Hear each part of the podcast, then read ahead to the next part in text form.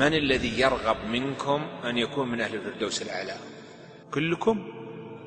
نعطيكم الصفات التي تكونون بها من أهل الفردوس الأعلى. سبع تخليكم تدخلون الفردوس الأعلى. أول شيء الإيمان. اثنين الخشوع في الصلاة. آه.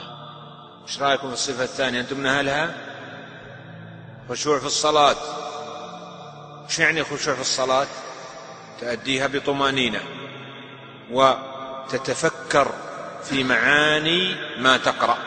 إيش معنى سبحان الله؟ سبحان ربي العظيم. سبحان ربي الأعلى. الله أكبر.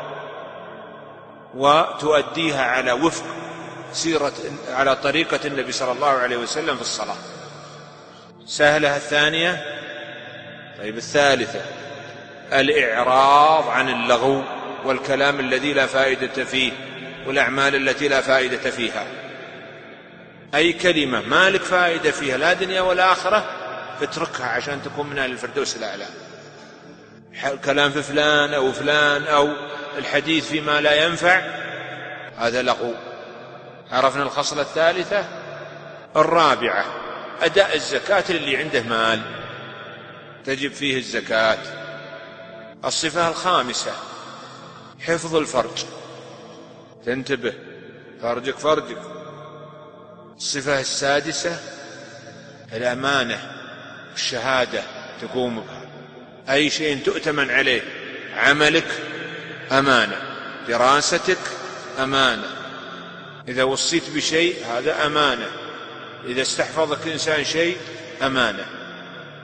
الخصلة السابعة وهي الأخيرة. المحافظة على أداء الصلوات. فجر الظهر العصر المغرب العشاء. كم صفة؟ سبع. بسم الله الرحمن الرحيم. قد أفلح المؤمنون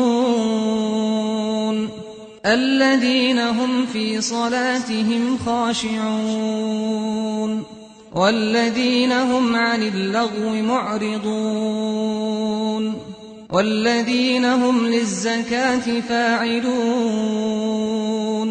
والذين هم لفروجهم حافظون إلا على أزواجهم أو ما ملكت أيمانهم فإنهم غير ملومين فمن ابتغى وراء ذلك فأولئك هم العادون والذين هم لأماناتهم وعهدهم راعون والذين هم على صلواتهم يحافظون أولئك هم الوارثون الذين يرثون الفردوس هم فيها خالدون. أسأل الله يجعلكم من أهل الفردوس. أسأل الله يعينكم على أنفسكم. أسأل الله يعينكم على أنفسكم.